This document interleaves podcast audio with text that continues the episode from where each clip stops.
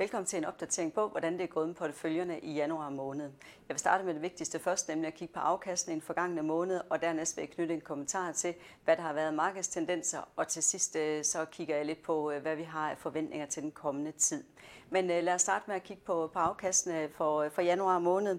Og øh, det startede altså lidt tungt med negativ afkast efter de første tre uger, men den sidste uge i januar måned er det vendt rundt, og det betyder, at vi slutter årets første måned med positiv afkast på tværs af alle profiler. Og som det fremgår af grafikken, jamen så har der været plusser både til de aktietunge profiler øh, omkring 1 fra 1,6 til 2,3, men også de mere obligationstunge profiler har leveret små plusser fra 0,2 til lidt over 1 procents penge. Noget af det, der har drevet afkastet, jamen det er en styrkelse af den amerikanske dollar over for danske kroner med knap et par procent.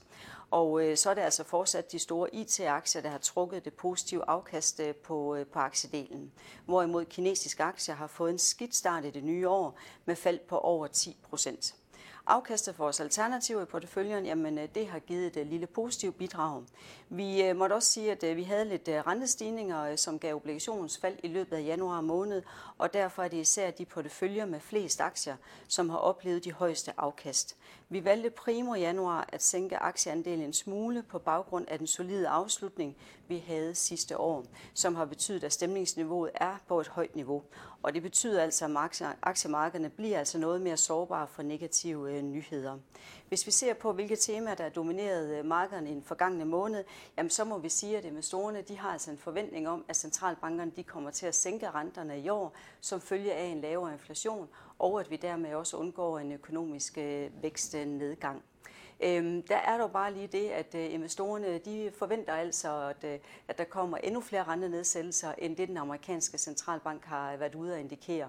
Og det kan altså godt betyde, at, øh, at markedet går hen og, og bliver lidt øh, skuffet. Vi har også set stadigvæk noget geopolitisk uro, øh, og den nyeste geopolitiske konflikt, vi har, jamen den finder vi nede ved det Røde Hav, hvor vi har set, eller det har betydet, at øh, der er en noget længere sejltur for skibstrafikken, og dermed også en øh, længere leveringstid af varer. Og det har altså været med til at sende øh, olieprisen op med omkring øh, 6 procent i, i januar måned. Hvis vi sådan her til sidst skal kigge på, jamen, hvad tror vi kommer til at ske i den kommende tid, jamen så kigger vi stadigvæk ind i et marked, som er præget af en høj markedsstemning, og det tror vi godt kan, kan give lidt modvind på aktiemarkedet på den korte bane, fordi markedet som sagt bliver altså noget sårbart over for negative nyheder, når vi er på så højt et stemningsniveau. Øhm, og opfattelsen blandt investorerne, jamen det er stadigvæk, at vi får den her bløde landing i økonomien, øh, og dermed også undgår en økonomisk vækstnedgang. Og det er vi lidt skeptiske overfor. Øh, vi ser en lille smule svaghed i en ellers stærk beskæftigelse, og så øh, er vi også lidt bange for, at der kommer nogle udfordringer på boligmarkedet, øh, som følger af de her høje renter. Så det bliver rigtig interessant at følge i den kommende periode. Men for nærværende, jamen, øh, så er vi godt tilfreds med at ligge med den her balancerede risiko i, øh, i porteføljerne. Det var alt for den her gang. Tak fordi I kiggede med, og vi ses igen om en måneds tid.